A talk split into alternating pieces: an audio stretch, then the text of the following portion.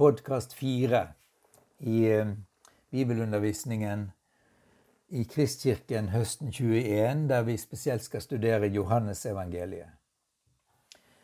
Hvis du leser kommentarer til Johannesevangeliet, vil du finne ulike syn på hvem som har forfattet det.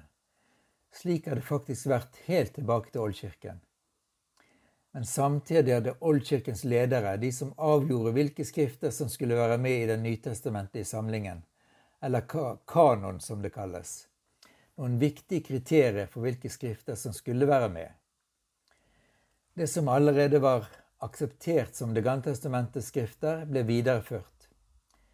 Disse kalles i Det nye testamentet rett og slett for Skriftene og består av tre deler. Toraen, eller Mosebøkene profetene og skriftene, slik som Salmenes bok. I tillegg er det bøker som Kirken har sett på som lesverdige, men ikke har samme status. Den latinske oversettelsen av Det gamle testamentet, Vulgata, har f.eks. med Tobias og Judiths bøker og Makabeerbøkene. Det kan også nevnes at den hebraiske versjonen er noe forskjellig fra den greske oversettelsen Septuaginta det gjelder både rekkefølge på skriftene og noe innholdsmessig. For skrifter som fikk plass i Nytestamentet, gjaldt det at de måtte være forfattet, forfattet av en, en av apostlene, en av Jesu brødre eller en aposteldisippel. Jakob og Judas var Jesu brødre, og deres brev har fått plass i Nytestamentet. Lukas var ikke apostel, og heller ikke jøde, men han var disippel av apostelen Paulus, og derfor er hans evangelieskrift apostlenes gjerninger med i jente.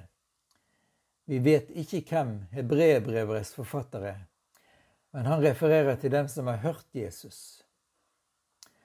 Alle skriftene måtte stadfeste den teologien som en samlet kirke holdt for å være Jesu, apostlenes og urkirkens lære. Det gjaldt også synet på Skriftene i Det gamle testamentet. Læren om Gud, læren om Jesus som sann Gud og sant menneske, læren om frelsen, rettferdiggjørelsen, helliggjørelsen og læren om Kirken. Det vi kaller teologi, kristologi, sotrologi, eklesiologi. Noen skrifter ble avvist selv om de hadde til dels stor utbredelse og hadde navn etter en av apostlene. Det gjaldt f.eks. Thomas-evangeliet. Noen av de avviste skriftene avvek, avvek fra apostlenes lære og var dermed å betrakte som vranglærende.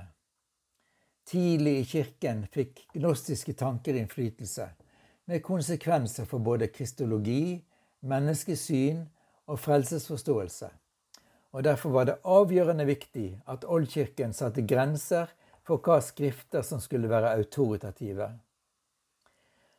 Heller ikke et skrift som kalles didache, dvs. Si de tolv apostlers lære, blir tatt med.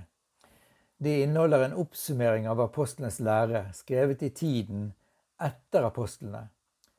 Læremessig er det ikke noe avvik fra apostlenes lære, men det er ikke skrevet av apostlene selv. Vi holder for sant at apostelen Johannes er forfatter av dette evangeliet. Opprinnelig er det ingen overskrift over evangeliet som forteller det, men evangeliet inneholder så mange tegn på at det må være slik. Johannesevangeliet er skrevet seinere enn de andre evangeliene Matteus, Markus og Lukas. Disse tre evangelieskriftene kalles synoptiske fordi de er sammenfallende i mange ting. Når en leser dem, ser en at de inneholder veldig mye fellesstoff, men også en del særstoff. De har omtrent samme oppbygging, og den største delen handler om Jesu gjerninger og liv i Galilea. Påskebegivenhetene utgjør en stor del av evangelienes avslutning. Matteus refererer lange taler av Jesus, slik som bergpreken og om endetiden, noe Markus ikke gjør. Det er sannsynlig at Markusevangeliet er det eldste. Adressatene for de synoptiske evangeliene er forskjellige. Matteus, som selv var jøde, skrev for jøder. Lukas, som ikke var jøde, og som hadde fulgt Paulus, hedningenes apostel på misjonsreisene, skrev til ikke-jøder. Johannesevangeliet er ulikt de andre evangelieskriftene på mange måter. Vi finner f.eks. andre fortellinger, andre diskusjoner med de skriftlærde og langt færre beretninger om helbredelse. I de synoptiske evangeliene foregår det meste i Galilea, mens det meste i Johannesevangeliet skjer i Judea. Vi må lese lenge i Johannesevangeliet før vi leser om Johannes selv. Og de fleste gangene er det både diffust og indirekte. Ofte nevnes den disippelen som Jesus elsket, sammen med Peter. Disippelen Jesus hadde sagt skulle være klippen i kirken. Disse to står altså i en særstilling i forholdet til Jesus. Det første kapittel 18, etter at Jesus er arrestert, at det står Simon og en annen disippel fulgte etter Jesus. Den andre disippelen kjente øverstepresten. Han kom inn på gårdsplassen foran øversteprestens bolig sammen med Jesus, men Peter ble stående utenfor ved porten. Disippelen som kjente øverstepresten, gikk ut og snakket med tjenestejenter som voktet porten, så Peter fikk komme inn. Hvorfor står Peters navn i denne teksten, men ikke den andre disippelens navn? Den mest naturlige forklaringen er at Johannes ikke ville nevne sitt eget navn. Den neste gangen vi leser om ham, er når Jesus henger på korset, kapittel 19. Ved Jesu kors sto hans mor, morens søster Maria, som var gift med Klopas, og Maria Magdalena. Da Jesus så sin mor, og ved siden av henne disippelen han elsket, sa han til sin mor, Kvinne, dette er din sønn. Deretter sa han til disiplene, dette er din mor. Fra da av tok disippelen henne hjem til seg. Den eldste kirkehistorien forteller oss at Maria bodde hos Johannes i Efesos inntil sin død. I denne teksten er nevnes mange navn. Bare navnet på den disippelen Jesus elsket, er utelatt. Kan det være noen, noen annen enn Johannes? Evangeliet forteller om Jesu død i kapittel 19. En av soldatene stakk ham, Jesus, i siden med et spyd og straks kom det ut blod og vann. Han så det, han som så det, har vitnet om det, for at også dere skal tro. Hans vitnesbyrd er sant, og han vet at han taler sant. Hvem andre kan dette være enn ham som skriver evangeliet? Han er altså et øyenvitne som har stått nær Jesu kors. Johannes sto nær Jesu kors sammen med Jesu mor. Etter Jesu oppstandelse leser vi følgende i kapittel 20.